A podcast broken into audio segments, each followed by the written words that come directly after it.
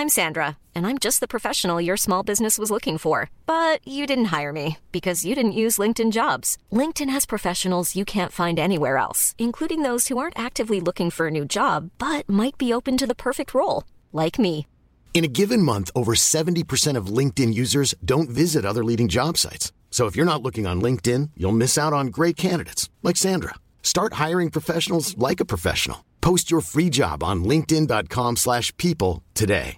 Ryan Reynolds here from Mint Mobile. With the price of just about everything going up during inflation, we thought we'd bring our prices down. So to help us, we brought in a reverse auctioneer, which is apparently a thing. Mint Mobile unlimited premium wireless. Ready to get 30, 30, bit to get 30, bit to get 20, 20, 20, bit to get 20, 20, bit to get 15, 15, 15, 15 just 15 bucks a month. So, Give it a try at mintmobile.com slash switch. $45 upfront for three months plus taxes and fees. Promo rate for new customers for limited time. Unlimited more than 40 gigabytes per month. Slows. Full terms at mintmobile.com. Hei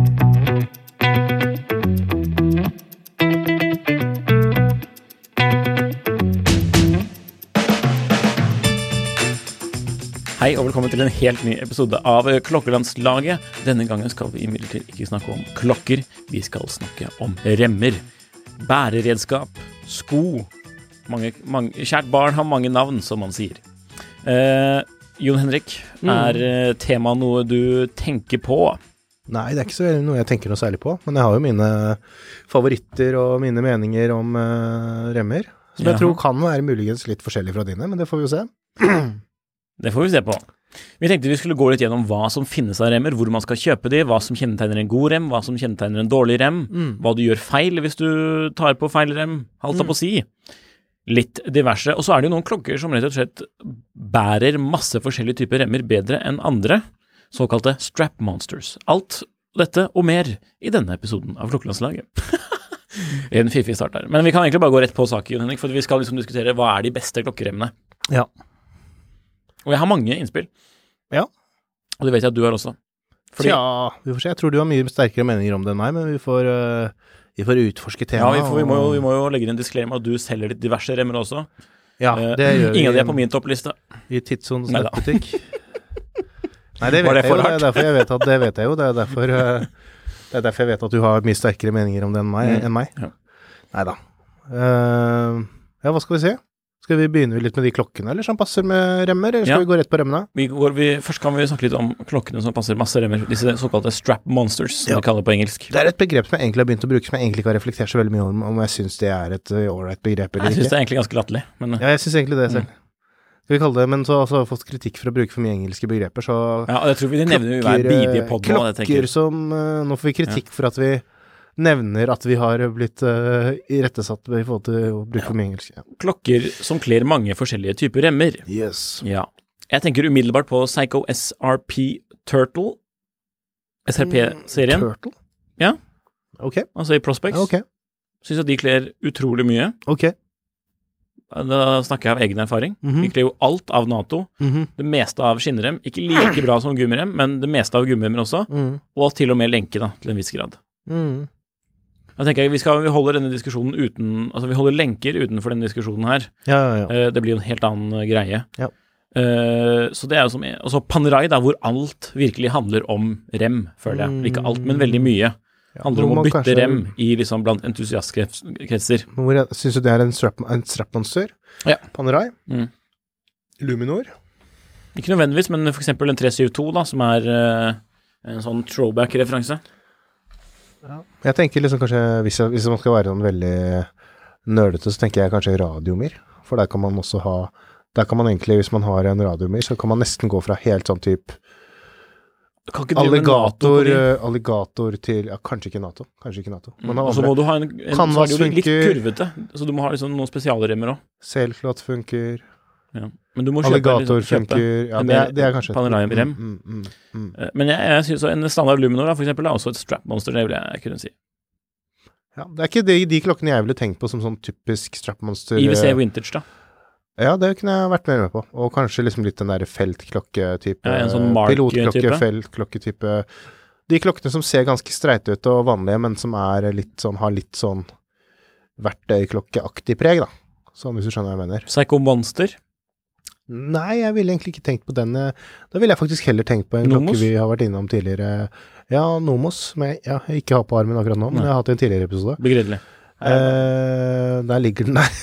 Vi spiller inn flere episoder på en gang, eller eh, faktisk, ja. Nei da, eh, så jeg tenker liksom det IWC eh, det Vintage IWC Pilot, Mark. Mm. Er ganske strap Ganske strapmonster. Ja. Kan du dresse opp med en, til og med en alligatorrem. Og til eh, Ja, din uh, doppelkrono kom vel med, også med alligator. Alligator, ja. Og denne verdens beste rem, da. Men nei, og, den, og det. det ser skikkelig kult ut, syns jeg. Ja, den, Så- den kler det veldig Også, bra. den kler masse, og så kler den canvas, og så kler den selvklokk, kanskje. Nato. Ja, det eneste dumme er at den har 21 mm mellom hornene. Ja, det er også et problem, da. Ja, det er også At, noe vi kommer tilbake til. Kanskje, kanskje en, øh, et strapmonster ideelt sett burde være 20 eller 22, som er liksom de veldig standard standardmålene. Og så selvfølgelig også noe som mange ikke tenker på, det er plasseringen av hullene. Ja, hvor, I- hvor, hvor langt eh, ute på hornet, eller hvor langt inne de er, eller hvor Ja, langt hvor, ned hvor de sitter. Fordi Mm. for eksempel øh, klokker som har de hullene til barettene sitter for langt inne, da, da begrenser det eksempel hvor tykk rem man kan ha. Ja. Ut, Uten at det f.eks. blir kanskje sånn merke eller sånn. Det er det verste jeg vet, når, liksom det, når det toucher borti kasse, kassen. Ja, ja, ja. At man får liksom at det, Enten at man kjenner at det går tråkt, eller at man til og med får merke i remmen, eller slitasjemerke fordi det skubber. Det er uh, irriterende. Absolutt. Så nei da. Det er um, Men har du, har du noe sånn ultimat strap monster, eller? Hvis du skal Jeg har ikke noe ultimat strap strapmonster, men eh, jo, kanskje en IWC, kanskje en IWC eller IWC-aktig feltklokke, pilotklokke. Ja. Det er morsomt at vi, tenkte, at vi begge tenkte på det. Ja. Vi har begge eid IWC Vintage, og eier Ja. ved Nei, du har jo kvittet deg med dine. Jeg solgte jo en sånn uh, som jeg ikke husker referansen på, fordi jeg er, for, jeg er så dårlig på å huske Ja, det husker jeg ikke heller, men eh, det er jo det UTC-typen. UTC funket til veldig 90 mye forskjellig. Men jeg brukte den egentlig mest på Canvas. Mm. Ja, den, den lånte jeg faktisk også på Canvas, uh, Mm. til og med på en eksamen jeg hadde, husker jeg. Mm. Uh, helt ypperlig, behagelig, ikke noe mer stressende for eksamen. Neida, men eh, ok, det var litt sånn om termen eh, strap monsters, jeg tror vi egentlig kan la det ligge, det, ligge ved det. Lurer du på hva som egentlig er verdens beste strap monsters? Google eh, kan hjelpe. Ja. Eller bare finne ut av det sjæl. Mm. Det er jo ofte sånn at man Altså, noen klokker kler mer enn andre. Det kan ha litt med sånn antall farger på urskive og liksom design. Ja. Ting, man kan, du kan liksom ikke sette en helt straight lærrem på, på en sånn en supermoderne plastklokke, liksom, føler jeg. Det blir jo litt sånn krasj. Mm. Dette kommer vi også tilbake til i denne episoden.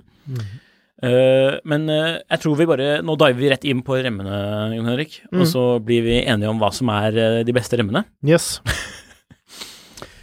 Ok, først litt intro til rem. Hva er en rem? Nei da. Hvem, hva og hvor, tenker jeg. Ja. Er det litt sånn Og kanskje ikke, kanskje ikke den rekkefølgen heller. Nei. Kanskje begynne med hva? Ulike mm, Ulike hva ligger, under, eh, hva ligger under remmer? Vi har nå etablert at det i hvert fall ikke er metallenker. Det ser vi på som en egen greie. Ja. Ja, hva finnes av rem da, Nikolai, hvis man skal dele det inn?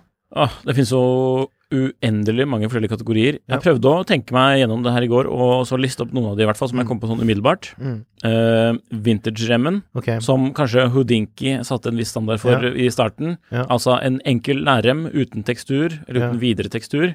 I brunt gjerne, med Mm. to eh, sånne tråder som er stitchet nær mot urkassen på klokken. Vi skulle Mm. tatt med noen remmer og illustrert med, men Mm. den tid, den sorg. Mm. Uh, den tid, den sorg, det passer ikke helt. Men uansett. Nei. det var tidsrelatert og klokkerelatert. Men uh, dog. Ja, så det var liksom vintergemmen, føler jeg. Den er veldig okay. sånn enkel greie. Og så Mhm. den har liksom to enkle stitch som, som ser ut som de bare Jeg tenker at det er liksom at, du, at nå har du gått litt ned i liksom det hierarkiet allerede, ja. At det er litt eller på et annet nivå. Ja. At hvis man skal det, Ok, du, vil ha sånn kan lærrem? Kan jeg, kan jeg, ja, kan jeg få Ja. prøve? Ja, gå hen. go ahead. Jeg tenker liksom at man kan si klassisk lærerrem er en mm. kategori.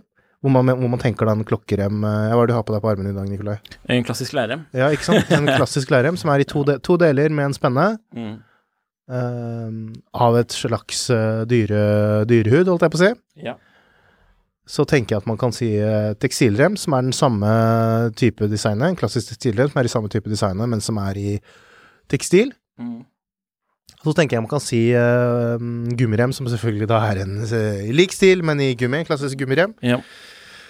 Og så tenker jeg at man kan si en uh, Og der er jeg litt sånn eh, Kanskje litt uh, Ikke alle er enige, men jeg, jeg vil kalle det liksom Nato-inspirert rem. Mhm. Nato-rem-inspirert design. Fordi Og da skjønner egentlig alle litt hva man mener uten at de kanskje forstår det. Og det er jo at det kan være Det kan jo være Nato-rem, selvfølgelig. En klassisk Nato-rem, som er en rem i ett stykke. Men det kan også være type type remmer som Ericas Originals, altså disse para, hva er det man kaller det? Disse mer sånn elastiske remmene. Mhm. Man ser jo eksempel også en del produsenter lager jo liksom det som mange kaller Nato-remmer, men som egentlig ikke er Nato-remmer, fordi Nato-remmer er jo egentlig noe ganske spesifikt. Og det tror jeg også vi har vært inne på i en tidligere episode, liksom det at det, er, det var jo en spesifikasjon som ble utstedt av forsvarsministeriet i Storbritannia, og som har vært levert til um, levert uh, til militærbruk, og som hadde et veldig distinkt design i forhold til hvordan den skulle se ut. Og det er jo mange av disse klokkemerkene som, som til og med kaller klokkene Nato-rem, men det er jo ikke ganske store variasjoner i designet, da. For eksempel Omega sine, hvor hempen ikke er festet på samme måte engang, ikke sant. Um, så jeg syns det er bedre å kalle det Nato-rem-inspirert eller Nato-aktig design. Og der er det også liksom disse, for eksempel de remmene til Tudor også, med um, Kanskje man kan strekke det til. Jeg vet ikke, er du enig? Ja. Og da har man vel egentlig nesten stort sett de, eh, de rem-kategoriene som, eh, som er. For under disse kategoriene så ville jeg tenkt at, en, at en, under en klassisk lærrem, så ville, mener jeg liksom den vintage stil eh, ville Ja. gå. Og så Bund også, da, eller? Ja, Bond, bond glemte jeg. Det, det føler jeg er en egen kategori. Ok. Og kanskje Bond-aktig Ja, fordi fordi Bund er jo en, også eh, en- vanlig klokkerem, ser det ut som, men det har en sånn ekstra sånn pad Mm, som tres på på remmene, mm, som ligger liksom mot uh, håndleddet. mm.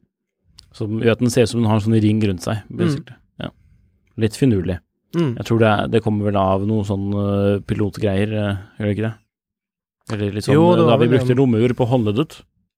Ja, det er mulig. Ja. Jeg kjenner ikke helt Nei, nei, det husker jeg faktisk ikke just nå. Ja, og så, kan, og så finnes det jo da underkategorier, som du nevnte. Mm. Og det er kanskje det som er det mest interessante, hvor man har en stor eh, rikdom av ulike remmer. Og det føler jeg jo at det kanskje kommer opp hvis vi går litt mer ned, nedover i sånn i brands, om vi skulle gjort det. Ja, vi kan Eller- godt gjøre det. Og det er, er noen, veldig- det er det noen har spurt om, å høre noen favoritter og anbefalinger. Har Ja. du, og det vet jeg du har. Har du noen favoritter? Ja, og, hva Sinnssykt slags, mye forskjellig. og så kan du jo si litt hva slags stil også de lager, eller hva de er kjent for, eller hva Jeg tror, det, jeg tror det er en best måte å gå løs på Ja, la oss prøve det. Uh, så ta fram notatboken. Nå kommer det. Ta fram Men sånn- for så- vi lager ikke shownotes. Nei. Uff a meg. Men kanskje vi skulle sagt et par ord om leverandører først. Altså som, Hvem er det som gjør dette her? Mhm. Mange av de jeg kommer til å anbefale nå, det er jo sånne små karer og damer som uh, altså, Det hørtes ufælt ut, men altså mindre bedrifter, da, Mhm. eller enkeltmannsforetak nærmest, Mhm. som lager custom-remmer. Mhm. Og så har du de litt større, uh, store brandsene som du kanskje finner på din lokale urmaker, Mhm. Mm, hvor jeg ville sagt man kanskje Altså, det beste stedet å kjøpe remme på, det er Det på ikke. internett. Å ja, sånn, ja. Mm. For hos din jevne loka... Altså på, hvis du Mm. går på storsenteret ditt og, ser, og så besøker urmakeren der, så er sjansen for at det kun er ganske kjedelige reimer, den er relativt stor, altså, det må jeg si. ja. Og ganske laber kvalitet ofte. Ja. Så Men, det, se- men det finnes jo unntak, da. Ja, ta. absolutt. Men, absolutt. eh, Vi kan hedge oss med det. Men jeg vil bare si, det er jo steder man kan ende opp med å kjøpe rem fra samme remfabrikk, mm. men under forskjellig brand. Mm. Og det er jo fra forskjellige brands du kan ende opp med å kjøpe remmer basert på samme uh, Som er liksom laget på samme garveri, da, på en måte. Ja. Uh, så sånne ting kan man jo google litt på. Mm. Det er ofte sånn at dette er et tema som det finnes Det er en sånn en supergruppe av klokkeinteresserte som syns at rem, det er sinnssykt fett. Mm. Så de har nerdet minst like mye på det som folk nerder på om en Rolex skal være Camford eller ikke. Mhm. Så Google også folks eh. Altså, det er veldig enkelt å finne hva folk synes om visse remmer, og hvor godt de Og så søk på å Instagram føler for å veldig... se hvordan de ser ut på forskjellige klokker. Ja, men jeg syns det er veldig lett å finne ut hva folk eh, liker, eller hva de hva de eh, Men, men jeg, ja, jeg syns det er vanskelig uansett, ja, fordi det er så mange ulike Det er mange ulike prisklasser. Det er veldig ulik kompetanse på hva som er en bra og hva som er en dårlig mm, rem. Kunnskapsnivå varierer. det er veldig mange på Instagram spesielt som er sponset, eller altså, de er ikke sponset, men de har fått Jo, de er jo sponset, altså, de har fått Det er jo typisk markedsføring, da, for disse, mange av disse små produsentene, at de sender ut til eh, har du en stor nok konto, så sender de deg en gratis remmer, og så reklamerer du for det gratis. si. Så det er litt sånn småkorrupt, eh, jeg vet ikke. Om man kan liksom stole helt på alle disse På det man ser mye, eller det som det skryter seg. Jeg, jeg, Mm. jeg vet ikke. Hva tenker du om det? Det kan godt hende. Ja. Jeg kjenner ikke så veldig mye til eh, sånn uh, remkorrupsjon, men altså Nei, det jeg er føler bare det er mye, mye av det. Jeg Ja. får jo henvendelser, vi også, med nett- nettbutikken, at det er folk okay. som kontakter og sier nei, vi kan reklamere for deg hvis du sender oss, men det har har vi sånn, jo ikke gjort, da. Men ikke sant. Ja. Men uh, Nei, men Nei, men jeg, føler jeg, jeg kjøper i hvert fall eh, remmer på Passion, eh, eller anbefaler Fashion, remmer. Nei. Ja, fashion, ja. Passion. Eller i hvert Ja. på, min favorittlook, da, Ja. jeg kan si det på den måten, Ja. som man kommer til å kjenne igjen når jeg begynner å liste opp ting her, Mhm, det er liksom den vintage-inspirerte looken, Mhm. med enkel lærrem, Mm -hmm. uh, og så er, liker jeg visse gummiremmer. Jeg Ja. er ikke noe fan av canvas, eller sånn sailcloth, Uh, eller sånn aftermarket, Canvas? afterthought-lenke, for eksempel. Ja, vi, Canvas. vi har ikke med lenker. Nei, jeg vet det, men jeg bare, jeg bare prefacer. Mm. Ja. Så ja, jeg tror vi bare går i gang. Ja. Sånn med en gang jeg tenker på rem Mm. og assessoarer til klokker, tenker jeg på Bourlange Sons. Det er Mhm. bra kvalitet, men er litt dyrt. Mhm. Kanskje ganske dyrt, til Mhm. en viss grad. De har veldig fete klokkebokser, og de har remmer som matcher. Og de har mange remmer i den vintage-kategorien, eller primært Mm. Ja, er i den vintage-kategorien. Sånn Og så De var vel en av de første sammen med Hodinki som liksom begynte den derre at alt skulle være kamo også. Ja, Og så mulig. kanskje litt med Horus Straps, som hadde disse veldig kamo panorai-reimene en periode også. ja. Uh, ja, og så har du litt sånn gøyale ting som at de f.eks. bruker sånne gamle militærjakker, og så gjør det om til liksom remmer uh, og sånn. Det er litt gøy. Ja. Uh, ja, så hvis man liker tradisjonell, men ikke sånn for tradisjonell, men fortsatt litt sånn kan jeg, Er det lov å bruke ordet hipster? Klokkehipster. Ja. Eh, Så syns jeg det passer bra. Boulanger Sons, det er, det er vært, de har vært lenge gamere, liksom du vet, du, man kan forvente å få en, en viss kvalitet. Mhm. Men det koster. Men lager de remmene selv, eller kjøper de han Det er et godt spørsmål. Jeg vet i hvert fall de, eller så vidt jeg meg bekjent, så er det jo i hvert fall sånn på designsiden. Mm. Jeg tror ikke de sitter og strikker de selv, altså på å si. Eh, eller det er ganske Mhm. sikkert at de ikke gjør. Eh, det kan godt hende at de er samme produsenten eller leverandør som noen av de andre jeg kommer til å liste. Mm. tenker jeg. Neste. Det er jo Nå kommer vi liksom inn på custom, da. Mm Og jeg synes det er folk som leverer ganske bra produkter her òg. Mhm. Torre Straps på Instagram. Jeg har aldri hørt om. Nei, han lager som ekte sveitsisk vintage look. Mhm. Som for eksempel se for deg gammel Patek, eh, eller altså veldig gammel Patek. Mm -hmm. eh, Longin eh, Han er veldig god på å mestre sånne lærerkvaliteter som var populære før, eksempel svin. Mhm. Eh, altså pigskin. -hmm. på godt norsk. Og det er liksom en Man kan eh, Det er nærmest Altså, du kan komme med veldig mye egne innspill, og en kompis av meg har eh, bestilt derfra, Ja. med svært uh, godt hell. Ja. Uh, etter anbefaling fra undertegnede, selv om jeg ikke hadde Mhm. prøvd det selv på tid- daværende tidspunkt. Jeg har bare sett andre og folk som jeg stoler på, kjøpe derfra. Ja. Og resultatet er veldig bra, og prisen er helt innafor. Altså, det snakker jo tidvis kan være billigere enn andre steder som er langt fra custom. Men kan vi ikke si om Kan du ikke si litt om hva disse prisene, sånn prisleie-type, er, da? Sånn Burlanger Sons, jeg tenker der er det sånn fra eller rundt 1500. Og så okay. har de billigere versjoner som ligger under. Om jeg ikke husker helt feil. Altså Torre Straps, der vet jeg ikke. til- Der der, der er, det- er inkludert da liksom typ frakt og toll og Eller Nei, det er det jo ikke. Men moms uh, det er det jo ikke. Nei, så da blir det i praksis litt dyrere. Ja. Et par tusen kroner. Ja, men du kan du slipper unna med sånn 79 euro sånn på visse også, mener jeg. Ja, ok. Eh, nå, jeg. nå må jeg bare jukse og gå inn og se, Ja, men, jeg men, ikke eh, jeg men om trenger egentlig ikke å være bundet til Bulangen Sons, men liksom bare For, Altså, en, for en god lærem, Ja. hva, hva er det du ser for deg? Hva er liksom hvor, hvor høyt må man opp i pris da, for, at, for å få noe ålreit vare, liksom? Er det Hva tenker du om det? Jeg tenker, man må Så skal du ha en, en, en, en, bra sett, klokkerem, så Mm. må du betale over 1000 kroner. Ja. Ja, det er enkelt og greit. Det finnes, du, finnes, du, altså, du kan jo Mm. kjøpe klokkeremmer som er, eh, har, har ordentlig lær Mm. til rundt 300 spenn, eller enda billigere, for f.eks. sider som vi har nevnt før, Mm. eh, hvor kvaliteten er sånn tålelig bra, men Mm. det er liksom, du får jo litt hva du betaler for. Og i klokkeremmene så kan du også få kan du også, kan du også få mindre enn du betaler for eh, i de kanskje høyere prisklassene. Ja. Det vil jeg si. Eksempel kjøper du OEM-rem, altså Omega sin rem, Mhm. så mener jeg at du betaler litt mer enn du får. Beklager. ja. Det er ikke jeg enig med, da. Men, eller jo, Ja, var, det, var, det, var det feil å bruke men, Omega spesifikt som eksempel? Ja. Mener du? Ja, ok, da tar jeg tilbake det. Men altså for andre Det er hos visse produsenter som tar seg litt si, mer betalt ja. enn det smaker. Ja, skal vi si litt om Men vi kan si litt om det, og jeg har litt, kanskje litt annerledes syn på det enn deg. For jeg syns jo at eh, OEM-remmene til eh, Eller de, ja, de, de originale, mm, remmene til en del av merkene Altså det, det som er gjennomgående for alle originale remmer, stort sett, fra litt uh, merker litt høyere pris, det er jo at det er jo som du sier Man betaler mer enn det det er verdt, fordi mange av disse merkene tar seg veldig, veldig godt betalt for uh, de remmene man uh, de selger. Så man kan få de remmene det ganske mye rimeligere hvis man går for å, for å si nesten rett på produsenten, da. Men jeg syns jo remmene i seg selv er av en, en stort sett av en ganske god kvalitet. Ja, Det er jo ikke det jeg står på, det er bare å tenke at det smaker mer Ja, sånn det, okay, det, det, det, okay. det koster mer enn det smaker. Mm. Jeg sa, det, var okay. ikke, det var ikke ment som at det var dårlig kvalitet. Jeg Nei, sa du kan få tilsvarende kvalitet for ofte, for samme mm, pris. Nei, for lavere pris. Alle Der er det vel ikke helt sånn uvanlig at en alligatorrem fra et helt sånn uh, mainstream merke, holdt jeg på å si, kan koste en 3000-5000 kroner? Eller Mm. er det Det er en stund siden jeg kjøpte noe Det er helt mulig. Jeg vet sånn, at men, eh, Jeg sjekket jo litt rundt en, en sånn eh, altså alligatoren til IWC-en min. Mm. sånn, skal du kjøpe alligatorrem, så ville jeg jo kjøpt gjennom for norsk forhandler, fordi det kan være litt tricky å få det inn i Norge. Ja. På grunn av Eller, eller Ja, det krokodille, litt da. på. Men, ja, men det eh, kan være. hvor mye var det du fikk? eh, Fikk du noe pris? eh, Det husker jeg jo ikke nå, det er jo helt horribelt. Men det var sånn at jeg, jeg hevet ikke øyenbrynene. Nei, fordi du visste at det var dyrt? Nei, altså, men jeg syns det Det var, det var ikke uforholdsmessig mye. Ja, ok.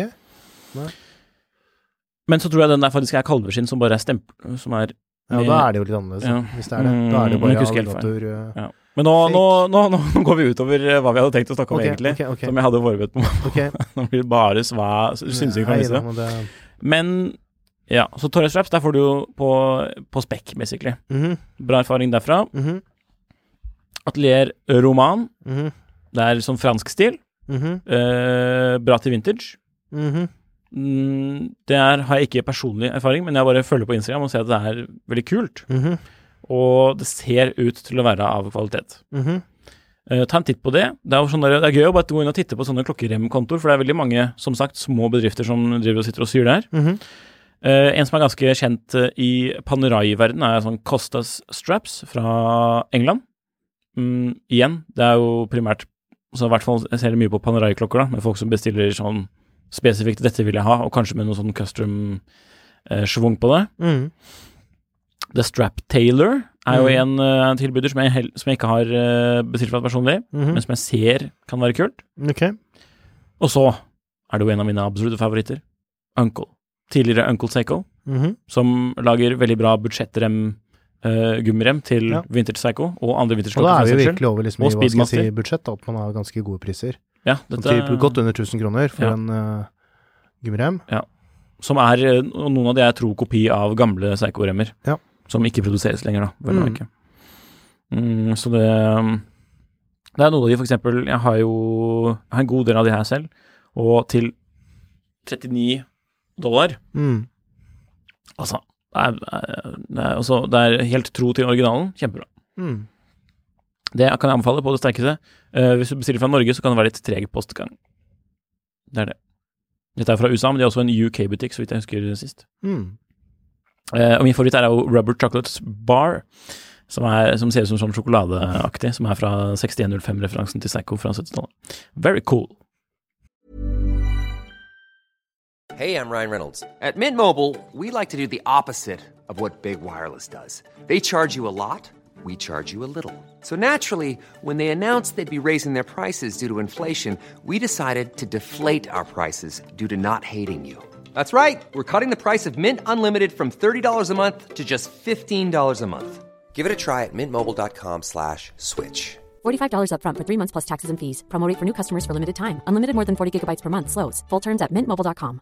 Hiring for your small business? If you're not looking for professionals on LinkedIn, you're looking in the wrong place. That's like looking for your car keys in a fish tank. LinkedIn helps you hire professionals you can't find anywhere else, even those who aren't actively searching for a new job but might be open to the perfect role. In a given month, over 70% of LinkedIn users don't even visit other leading job sites. So start looking in the right place. With LinkedIn, you can hire professionals like a professional. Post your free job on linkedin.com/people slash people today.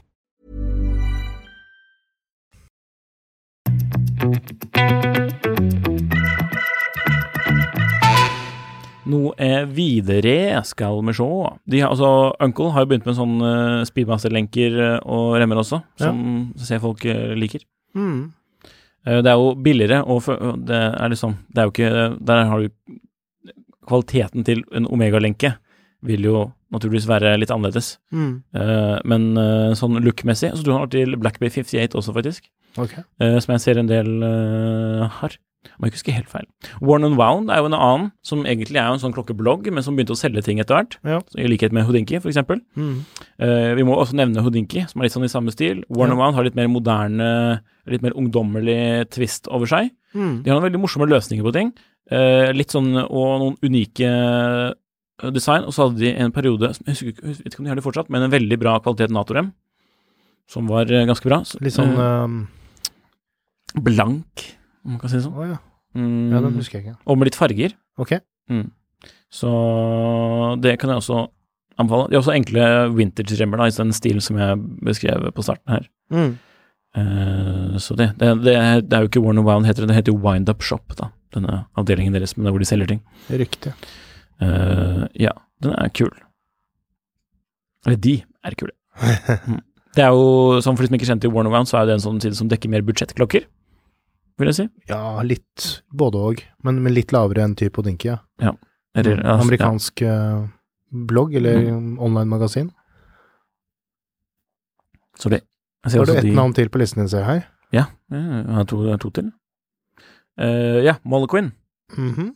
Det er jo rimelige og klassiske remmer. Ja, er de så veldig rimelige? Koster jo ikke noe Det koster jo vesentlig mindre enn Blue Sons. Ja. Mm, I hvert fall fordi jeg tenker på når jeg tenker på det brandet. Jeg, Da Mhm. tenker jeg på litt sånne som ser ut som den jeg har på min longin her, som er Mhm. enkel kalveskinn, kanskje med et preg, og en enkel fin søm rundt randen, Mm. og en uh, klassisk buckle. Mm. Ikke noe butterfly-greier. Uh, ja. Jeg synes, Ja, det er jo det. det er prisene her er sånn 99 euro. Ok. Det syns jeg er grei greie for, grei greie for pengene, for våre klassiske vintage-klokker eh, primært, Mm. da, spør du meg. Eh, ja. Her er det jo ikke noe custom, jeg husker sånn. Jo da, de er made to order, det òg. Så ja, men for sånn made to order så er det jo ekstra gøy å jobbe med noen sånne Hvis man, hvis man syns det er litt gøy da å lage seg en sånn en litt spesiell rem, så er det gøy å jobbe med en av de mindre uh, aktørene. Ja, jeg er ikke enig, jeg, jeg er ikke enig i det, men det, Nei, ok. Ja.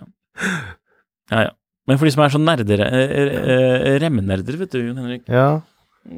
Ser det er jo Ja, det er forskjellig kvalitet på skinn og alt mulig, sånn som man, når man kjøper sko, mm. og på søm Mm. også, sånn når man kjøper sko.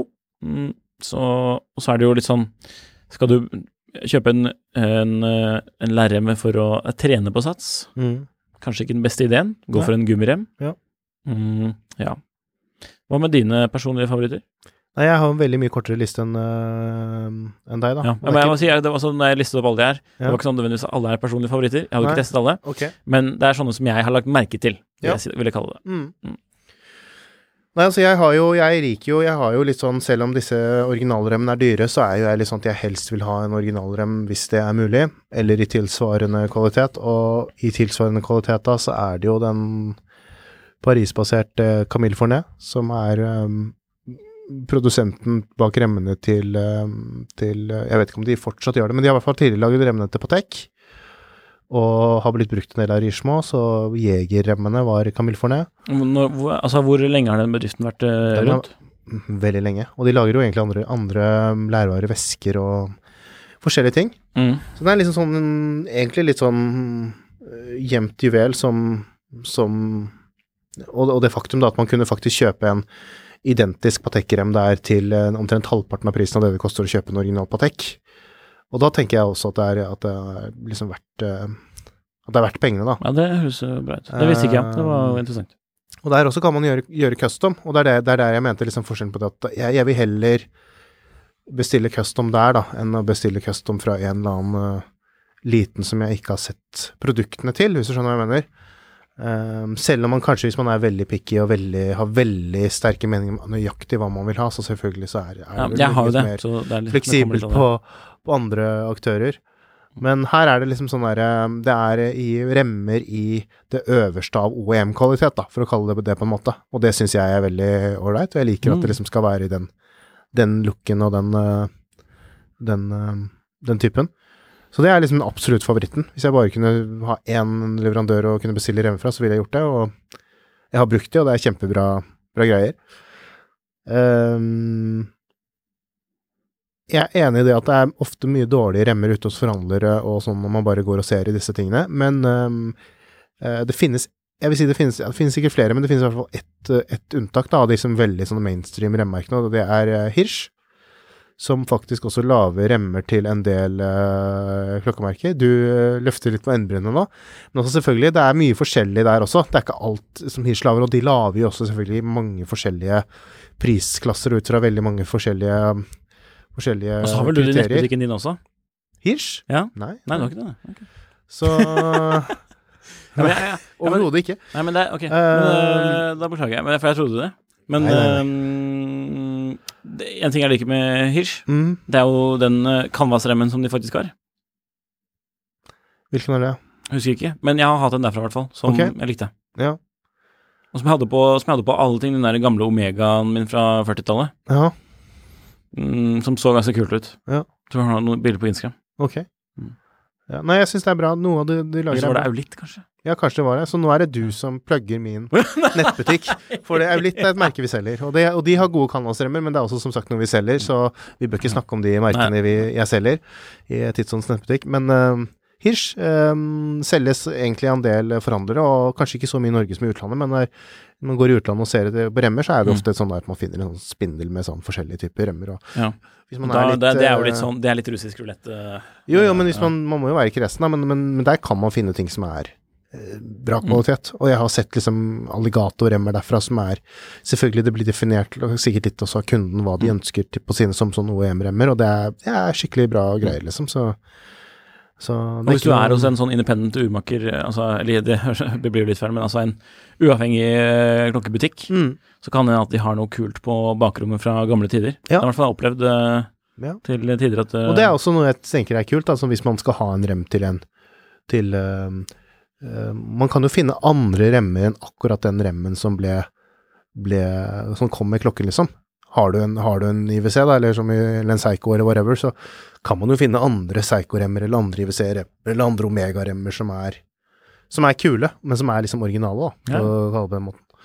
Så, men jeg syns også ting som jeg har lagt merke til, er uh, Seigo sine Nato-remmer. Syns jeg er veldig bra. De, eh, det er ikke alle, alle nå, Men nå må du være nå må du, jeg skal, jeg skal høre, jeg skal Høre. før jeg dømmer. Det er selvfølgelig ikke de standardremmene, for de syns jeg er ganske sånn middels, men ehm, de har en litt sånn premium-type rem, da. Altså sånt spesielt stoff som er uh, tykt og mykt og ja, veldig, veldig, veldig bra. Hvilke eh, står de på? eh, dyrere Mm. Så du har um, Og det har et eget navn, for det er inspirert av en japansk tekstilgreie. Men, oh, ja, nice. men det er, de er skikkelig Skikkelig nice. Ehm, jeg har bestilt um, rem fra et merke som heter Weblinist, som er litt sånn i type kategori som uh, Som ja, liksom de Bulang Sons og Hodinki og liksom de, hva skal jeg si, eller de uh, Molokin, kanskje. Liksom litt sånn derre Litt sånn samme, som også er en liten sånn en eller to eller tremannssjappe som, som lager remmer, og hvor jeg bestilte da en, egentlig en sånn etter custom, uh, custom dimensjoner, mm. som eh, eneste jeg syns var litt dumt da, og det er også noe som man kanskje kan ta en litt sånn her, eh, generelt notat på, det er det at det kan være ofte veldig vanskelig å, når man kjøper remmer, det der med farge. Og det er eh, Det kan være flere årsaker til det. Det kan være, det kan være selvfølgelig at det er dårlige bilder fra, fra mm, nettbutikken sin side, men også det, men, men altså Sånn som det fungerer da med, med farger, og nå, nå sporer det kanskje litt av, men farger på nettet på produkter er vanskelig. Jeg vet at du er veldig Fordi jeg er veldig, jeg er veldig sånn nazi på det, men altså det, det, det å ha farge mm, riktig så fargeprofil på når man jobber og sånn, men altså Mm. øh, Hvis de har vært litt dårlige på det, og så sitter du i tillegg på en iPad eller en, eller en mobiltelefon eller en dataskjerm som er litt dårlig på det, så kan avviket mellom faktisk farge og og ekte og, og den fargen man tror man får, være veldig stor. Mm. Og det skjedde litt når jeg bestilte fra Weblinus, at jeg fikk en rem som var mye lysere enn det jeg trodde den skulle være, da. Men der mener jeg selvfølgelig at feilen ligger på deres side, for jeg er jo veldig opptatt av at mitt utstyr er eh, ganske bra stilt inn for å minimere det avviket. Men, eh, men sånn håndverksmessig og, og sånn, så syns jeg det er kult. Og, og jeg vet du liker litt sånn vintage style uh, alligatorremmer. Jeg liker litt sånn derre Jeg liker litt sånne jeg, jeg har ikke kjøpt den ennå, men jeg liker veldig sånne, litt sånne flate med store skjell. Jeg liker, jeg liker flate med small scales. Ja, jeg liker det. med store skjell, det syns jeg er kult. Og så syns jeg, og så har jeg også veldig fan- sansen for, uh, for strutsremmer, og det vet jeg du hater. Ja, det, det, er, det er faktisk det verste jeg vet. Det er, Er det fordi det er ekkel tekstur, eller? det er fordi det bare, bare det ser ut som vorter. Ja. Det litt artig, da. Synes det er det og Stingray-rem er det, det verste jeg vet. Ja. Stingray, det, Ja, det, jeg det er så også jeg- og Ja, det. Det, Full disclosure, jeg har hatt en sånn sort Stingray-rem på en SRP Ja. når jeg studerte på Ja, BI. Jeg visste ikke bedre. Jeg visste ikke bedre. Nei, det syns jeg faktisk er helt jævlig. Ja, det er helt- ikke banne. Nei. Helt sjukt. Skal ikke banne, men uh, det var Det er så grelt. Ja. Og, og så syns jeg, Ah. jeg det er eh, ille med ja, Nå tok det litt vendinger da, på de ting man ikke liker, men altså, jeg må bare si det. Jeg syns det er sånne veldig, veldig ja, For å kalle det rustikke, da, remmer som ofte blir lagd til Panerai og litt sånne Ja, Man har der- veldig mye sånn derre sånn påtatt, eh, påtatt patinering, eller Eller også sånne typer sånn laget av en baseballhanske, eller med sånn sting og sånn. Det Ja, sånn, jeg, ja, det er helt- too much for det synes jeg er helt forferdelig. Men uh, hver sin lyst, selvfølgelig. Men noen av de kuleste remmene jeg har hatt, er en sånn svinetykk uh, skinnrem uh, som er laget for, liksom, som, for å være som de gamle Paneraiene. -hmm. Som jeg hadde på min 372 uh, Panerai, -hmm. eh, mye sånn 1950-kasse. Ja. Men den var så tykk. Mm. Fy søren. Men fargen var helt perfekt, utformingen var helt perfekt, og bucklen Mm. ja, Den var så svær, altså. Den var altså, den repte opp bordet, liksom, hvis jeg satt med liksom nedi sånn. Men den var så fet. Jeg har også bilde av den på Instagram. Instagram. Plugger min egen Instagram, Ni Nikolai. Eh, ja. Jeg har Men- noen, jeg har noen til. Ja. Jeg har um, på um, Sailcloth, så syns jeg Sailcloth? Sailcloth Seil, seildukstremmer, så syns jeg uh, Artem Straps er ganske bra. ja, enig. Og det har fått mye skryt i entusiastmiljøet også. Uh, jeg syns eh, Artem Straps Ja, vi må prøve å være sånn ty tydelig uttale på, på det forskjellige. Mm. Um, Isofrane, gummiremmer. Veldig spesielt design, men bra kvalitet. Og, men de er ganske dyre også. Ja. Eh, på Rolex-type remmer så eh, Rubber Bee. Everest. Eh, det koster litt begge deler, men det, det, det er liksom bra også, hvis man, hvis man ikke vil ha den eh, Rolex originale med uten Altså med sånn flatt eh, Hva skal Sånn jeg si? greie Altså uten Nei, uten sånn Uten sånn Uten eh, Uten Hva heter det for noe? Altså som ikke går integrert i kassen, da. Å, ja, ja, ja, flat rett, uh, Flat. Ja. flat, eh, flat uh, kant mot ja, kassen. Non Hvis man ikke vil ha det, så må man eh, kjøpe fra f.eks. en Everest eller Rubber Bee. Um, Tropic har jo kommet tilbake som eget merke. Uh, De ser jo kule ut, i hvert fall. Som er ganske bra. Men du må få Jeg fikk, jeg looken ganske mange. Tropic. Jeg fikk, en kompis kjøpte faktisk en Tropic-rem fra Rubber Bee. Rubber Bee har laget et slags undermerke nå, hvor de selger litt billigere remmer. En Tropic-rem. Den var liksom bare helt, helt ok. Jeg tenker kanskje litt dyr, for forhold Mm. til hva det var. Men Tropic lager sine egne remmer. Uh, Uncle har jo også noen Tropic-remmer som er ganske fine. Stemmer. De er bra. De er Mm. bra. Men som et sånn aber med litt sånn i den gummiremstilen der, da, Ja. som man ofte kan finne, spesielt på SRP Psycho, Mm. uh, av litt eh, dyrere form, Mm. så har du de at det er sånne forbanna støvmagneter. Mm. At den, sil- den silikonet som de er laget med, da, Mm. eh, bare, bare trekker seg støv som fy. Mm. Jeg syns det er skikkelig grelt. Og så har de et sånt lag på utsiden som fort blir slitt bort på kontaktpunkter med stål, Ja. f.eks. buckle og den der keeperen, Mm. som gjør at det ser litt sånn fort slitt ut og litt sånn, litt Ja. sånn mæle ut. Mm. Eh, ja, så, men sånn, så, jeg- så jeg er litt sånn var for silikonremmer. Det er ikke noe jeg syns er kult. Nei. Eh, Jeg syns de der Horus-remmene som nevnte, de syns jeg er en del av de eh, For det er vel silikonremmer, en del av de eh, ja, Er det ikke det? jeg er litt usikker. Fargene er liksom Ja, de er litt sånn silikonaktige. Ja, så det får- jeg- jeg litt, for, sånn litt for gjennomsiktig og litt for Ja, jeg syns det er 2010. det Uff, jeg takler ikke det, altså. Ehm, ja, når du var inne på liksom remmer som har litt sånn rare karakteristikker, sånn som Og dette er et merke som disclaimer igjen, da, som selges i nettbutikken, men jeg føler vi må nevne det uansett, og det er Eulitt Perlon-remmer, for det er jo den originale. Ja. Perlon er jo en egen kategori innenfor remmer, og der er det jo bare egentlig én originalprodusent, og det er jo Eulitt. Men det som er litt spesielt, som jeg vil ha lyst til å nevne med de remmene, og det er også litt sånn type vintage-inspirerte remmer, som passer veldig bra til gammeldagse klokker, hvis man liker den Beware stilen. at uh, på noen gamle klokker som jeg har hatt, uh, som har gått mye med perlonrem, Ja. så får de merker på Ja, og det var nettopp det som jeg skulle nevne. Mm. At det er en sånn annen effekt som man ser Sier du, ja. eh, på, på, på Perlon Remmer, Mm. er det at de faktisk er såpass grove at de sliter litt på Mm. pusser på klokken din, rett og slett. Så, Så det må ja. man være Den litt Omegaen forsiktig jeg har, som er fra min uh, farfar, da, der er det merker etter uh, perlonrem som han har gått med. Men når det er en gammel klokke sånn, så blir det jo nesten litt sjarm. Ja, men eh, jeg, jeg vet ikke hvor, eh, hvor utbredt det er på nyere klokker, men altså hvis du går med den i Jo, fem jo, år men med nei, nei, nei, det, det, det det er sånn. helt, Ja. helt, helt klart. Det, det skjer også på nye klokker, så jeg ville ikke brukt det hver dag eh, på min daily på min daily Calatrava med fast uh, Ja, for du har en daily Nei, Calatrava. Nei, man, altså da ville det, det Ja. spist i materialet. Mm. Så Bruk, annen, brukes med måte. sånn annen ting man kan faktisk gjøre noe med, da. Mm.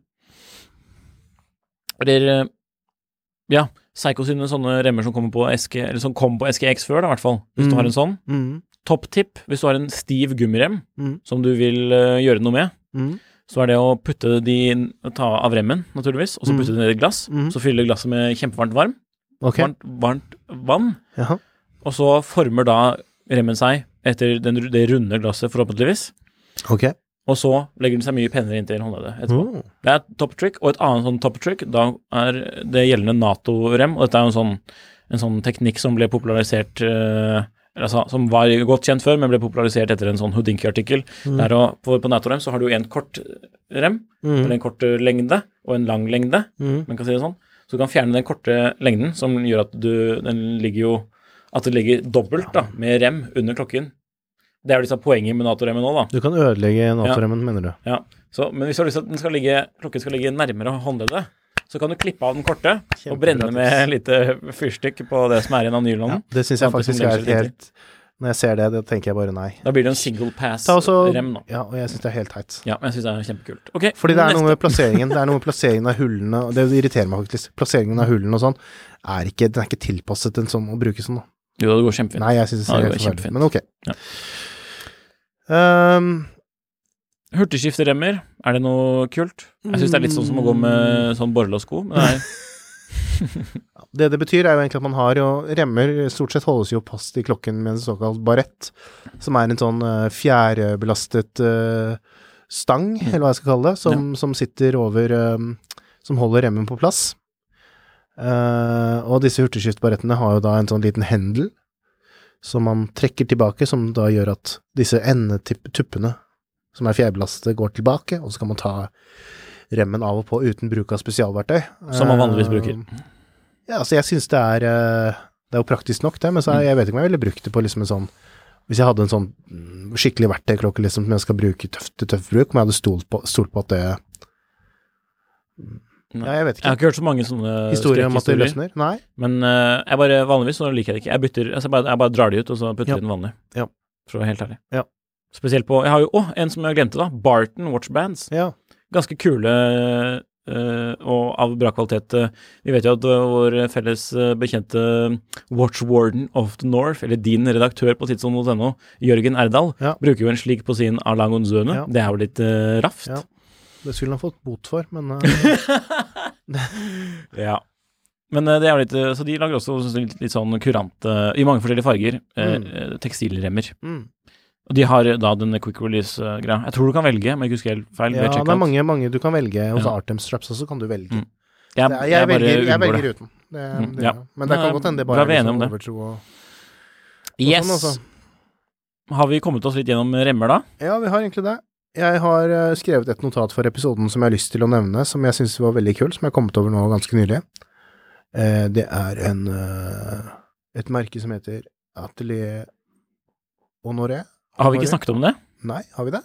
Jo, de som lager de der custom uh... Custom spennende. Ja, det har vi snakket om. Har vi gjort det før? Ja, Er du sikker? ja jeg har snakket om det i poden. Ja. Det er jo sånne som lager spenner med, din, eh, med dine initialer på. Ja, stemmer. Mhm. Og det, men det passer, jo litt inn, det passer jo litt inn her. De lager vel også remmer, men uh, spennende. Ja. Spennende er er spennende litt, som er spennende. For det er jo litt det som er, ofte er litt sånn nedtur, da. Hvis man, hvis når man ikke kjøper en original rem. Si man Mm. har kjøpt en klokke på en lenke, og så kjøper man en ikke original eh, rem etterpå, eller altså en fra Ja. en tredjepartsleverandør, og så og så får man en eller annen spenne som det står Bulangen Sons på, da. Jeg Mm. vet ikke om de gjør det på sine remmer. Men altså, jeg syns personlig Jeg synes det ikke er kult. Nei, det syns det er skikkelig ukult. Mm. Så derfor prøver jeg alltid også å kjøpe Enten kjøpe en spenne, så jeg har en spenne hvis det er en klokke som har kommet på lenke, eller også kjøpe remmer som passer til eh, en eventuell spenne jeg har, så jeg kan få bruke originalspennen, for det syns jeg er viktig. Mm. Men dette her løser jo litt det, da, og er foldespenn i tillegg, som koster veldig, veldig mye hvis man skal kjøpe det. Kjøpe en løs foldespenn til en lange, eksempel, det blir fort en ganske Da kunne man ikke heller kjøpt Ja, en, dyr en, sports, en annen sportslokke, liksom. En sportsbil. Sportsbil. så ikke fullt så ille, men eh, ja, det er ganske mange Ganske stort femsifret beløp. Mm. Um, så um, da er det kulere nesten å kjøpe en sånn spenne, og man kan få en sånn personlig Personlige initial, initialer eller et eller annet um, logo. Man kan jo også sende inn altså få andre ting Ja. enn bare bokstaver. Mm, alt mulig rart. Spesielt en med klokkelandslag på, eksempel, eller en med JHH på, så er det lettere å selge klokken til Henrik ved senere tidspunkt. Ja. Jon Henriks hjørne, Mm. en fast spalte med spørsmål til Jon Henrik. Denne gangen er det jeg som har skrevet inn spørsmålene. Jeg tror ikke du har sett det, har du det? Nei. Nei. Hva syns du om det? Mm. Nei, jeg, mm, du må lese det opp, da. Mitt spørsmål til deg, Jon Henrik, er hvordan utformer jeg best en klokkeannonse, klokkeannonse når jeg skal selge klokken min? Mm. Hva burde den liksom inneholde? I hvert er det liksom en balansegang for hvor Noen syns kanskje at noe informasjon er litt mer greit å ikke nevne, Mm. mens annen informasjon er helt uh, kritisk å ha med. Mm. Når jeg skriver klokkeannonser, eksempel, så skriver jeg absolutt alt jeg vet om klokken. Mm. For jeg bare har lyst til å bare Her er all informasjonen jeg har om klokken. Mm. Nå kan du ta din avgjørelse.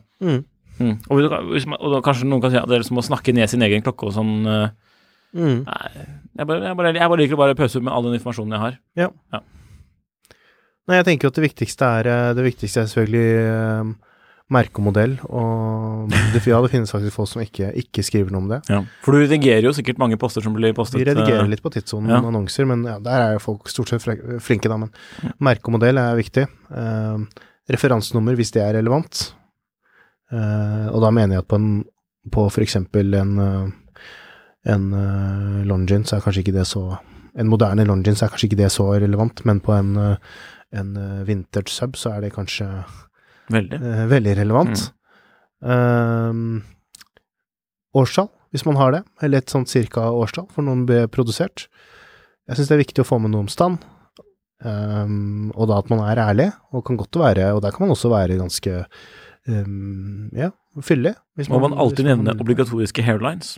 ja, det er en sånn, det er en sånn standardfrase som har kommet Ja. inn i alt, at uh, har sine obligatoriske helheis. Nei, men altså, hvorfor ikke? Altså, men de fleste skjønner vel det at det er en klokke som har vært i bruk, når man selger en brukt klokke, at det da vil være overfladiske riper. Men prøv å være jeg pleier vel heller mer å skrive når jeg gjør det selv. Nå er det en stund siden jeg tror jeg solgte noe sist, men i hvert fall skrive heller mer det der at det ikke er noen store hakk eller riper. Det er Mm. kanskje Hvis det ikke er det, da. Hvis det ikke er det. Og hvis det er det, så er det heller bedre å si, si at det er, for det kommer jo kjøper til å se før eller siden uansett. At det er eh, noe sånt. Og så sånn god prøve å ta bilder av det også, hvis man klarer det. Mm. Det er ikke alltid man klarer det heller, men mm, sånn. Og så mm, Ja, altså man kan det jo være smart å si litt om uh, hvis man vet noe om servicehistorikken, hvis det er en klokke som er det. Hvis man vet om det har blitt byttet noen deler eller diverse, så mener jeg det at man skal opp i det også. Uh, og selvfølgelig pris. Ja, pris må med. Det er folk opptatt av. Mm. Prisantydning. Det er jo en del som glemmer det på eller, så Det er jo tydeligvis noen Ja, som er glemmer det. på Det er jo, det er det jo liksom uh, mange som kanskje tror at de får best pris for å la være, og så tar imot bud, eller Mm. altså, ja. altså, det tror jeg Ikke fungerer. Jeg tror det er bra å ha en pris, eh, slags prisanker som man kan forholde Mm. seg til. Så ja, er det noe du tenker jeg savner? Du savner eh, Ja, det er jo egentlig Samme Det høres nesten ut som en egen episode. mange, jeg ser jo mange liksom driver på sånn der, nesten sånn opplæring, da, og det er kanskje nesten mest på Finn og sånn. Man ser liksom sånn derre Ja, dette merket er eh, så og så, og det er ansett å være bla, bla, bla, og Mm. dette er en fremtidig klassiker, og Hva syns du om de som skriver 'dette er et godt investeringsobjekt'? Ja, det syns jeg er tullete, men Mm. Ja. Jeg, jeg, jeg, på, den ene, ene siden så skjønner jeg liksom at folk syns det er tullete, og at man kan irritere seg over sånne ting, men, men til syvende og sist så tenker jeg det viktigste er hva er faktisk sånn på klokken, har jeg fått den informasjonen jeg trenger, og jeg er ikke en sånn fyr som Altså, hvis jeg skal kjøpe klokke selv, så bryr jeg meg ikke om om han har lyst til å skrive en stil, så driter jeg i det. Jeg ser etter det jeg vet jeg skal se etter, og så er han en ålreit fyr å snakke med, liksom, så kjøper jeg klokka.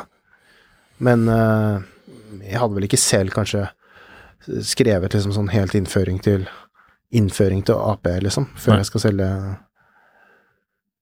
det er, eh, det er Jeg tror egentlig men, men, men, sånn, men sånn Det kan kanskje de som selger tenke Kanskje det Kanskje det til og med liksom røper litt mer av selger enn det kanskje selger eh, i selgers egen interesse å røpe, da. Hvis man skriver sånn. For det er jo ofte litt sånn at noen, når man ser de som skriver disse stilene, også at en del av de påstandene kanskje ikke henger helt på greip, eller er litt sånn Nei, er er da tenker tenker jeg han er noob. Ja. Så han eh, ja. ja, men Det var litt sånn korte og greie tips. Det, var, det er jo egentlig et spørsmål som krever nesten en egen episode. Eller ikke bare nesten, det gjør faktisk det. Vi har vært inne på litt sånn tidligere også. Mm. Men vi kunne jo hatt en litt sånn derre sånn, sånn lager du verdens beste klokkeannonse. Mm. Uh, Bilder er viktig, da. Ja, bilder er viktig. Ta Skarpe eksempel... bilder. Det er ikke noe unnskyld, jeg har sagt før også, det er ikke noe unnskyldning i 2022 å ta dårlige bilder av en klokke. Da kan man bare, kan man bare drite i å legge den ut. Da kan man vente til man får tatt skikkelige bilder. le, Legg den i vinduskarmen på dagtid og Ja. ta fotos. Legg den i vinduskarmen, det er det beste. Bruk naturlig dagslys. Selv om du er en ganske dårlig fotograf, så fungerer det veldig bra. Eh, faktisk, hvis man bruker sånn lys som man sitter som vi blir belyst av her i studio, sitter inne i et uh, ganske sånn mørkt, mørkt rom ellers med en sånn kjempesterk lyse... Kast. Ekkel gul eh, lyskilde, så så blir det også klokkene ofte styggere, og de kan faktisk fremstå til å være i mye dårligere stand enn det, enn det de egentlig er. Ja. For altså, det er jo klart, klokker har jo, som har vært i bruk, har veldig mye småriper. Mm. Som kommer frem hvis man ser i mikroskopet eller ser, ser tett innpå i veldig, veldig sterkt lys, så kommer det fram mer enn det man ser i ordinært dagslys og ordinært når man bruker det. Så det er ikke noe vits i å gjøre seg selv liksom eh, ødelegge for seg selv heller, og lage ved å liksom kjøre på en skrivebordslampen på full guffe og så klokkamera helt nede i metallet. Ja. Altså, for, så, for sånn, sånn, sånn, sånn er nesten alle klokker, ikke sant. Du kan sikkert gå også i, i butikker som er litt liberale på det å la, kunne prøve klokker og sånn, så vil man kanskje til og med se det samme der, ikke sant. Så det er Ja. Og hva, Det er greit å ta bort det verste gunken fra klokken før man tar bilder. Ja, vask klokken, ja, vaske da. klokken, ja. Vask klokken. Okay. Herregud. vi avslutter denne episoden om klokkeremmer og litt sånn hvordan jeg lager klokkeannonse, med et gullkorn fra Finn. Mhm. Det er ikke bare Nei, altså, det er ikke klokke den gangen her, dessverre. For jeg bare jeg hadde ikke nok inspirasjon. Så derfor finner jeg på noe annet mekanisk, Oi, oi, og det er gamle tråsykler. Altså, for i, nå i sommer så var jeg på utkikk etter en sånn gammel vintage-sykkel. Jævlig er hipster, så whatever. Og det er bare, der laget jeg en god del til 1500 spenn, som er i tilsynelatende ganske veldig bra stand. Mhm. Som bare ligger usolgt fortsatt. Ja. Og dette er sånne gamle DBS-sykler, eller fra andre sånn obskure merker som ikke lenger finnes, og det store utland, f.eks. Eh, Kule sykler som man kan uh, miljøvennlig sykle seg gjennom byen med, sier jeg som kjører til jobb. Mm. Uh, men det er jo morsomt med litt sånn gammel mekanikk, og vi har jo f.eks. Edzilla på tidssonen. Han liker jo å sykle med sine klokker på, mm. uh, med en DBS kombi Mm. med klistremerke på, sikkert fra 80-70-tallet. Eh, så sjekk ut gamle sykler, da, for pokker. det, er, det er ukens eh, gullkorn. Ja. Jeg bare mener de ligger usolgt lenge, og tydeligvis kan man gjøre et skikkelig bra kjøp på en gammel sykkel som funker fjell. Sykkellandslaget. Sykkellandslaget. Jon Henrik og Nikolai. Jeg er jo temporytteren, naturligvis. Nikolai Armstrong. Eh, ja da. Vi avslutter med den referansen der. Eh, takk for at du hørte på Klokkelandslaget, en podkast fra Finansavisen i samarbeid med tidssonen.no. Husk å sjekke ut oss på YouTube og de andre podkastene til Finansavisen, f.eks. Mil etter mil, eh, Kunstpraten, eh, Ukens vintips. Eh, og registrer deg på tidssonen og kommenter. Send inn spørsmål. Send inn spørsmål. Det har vi sagt mange ganger i dag, føler jeg. Send inn spørsmål. Send inn spørsmål. Takk for at dere lytter.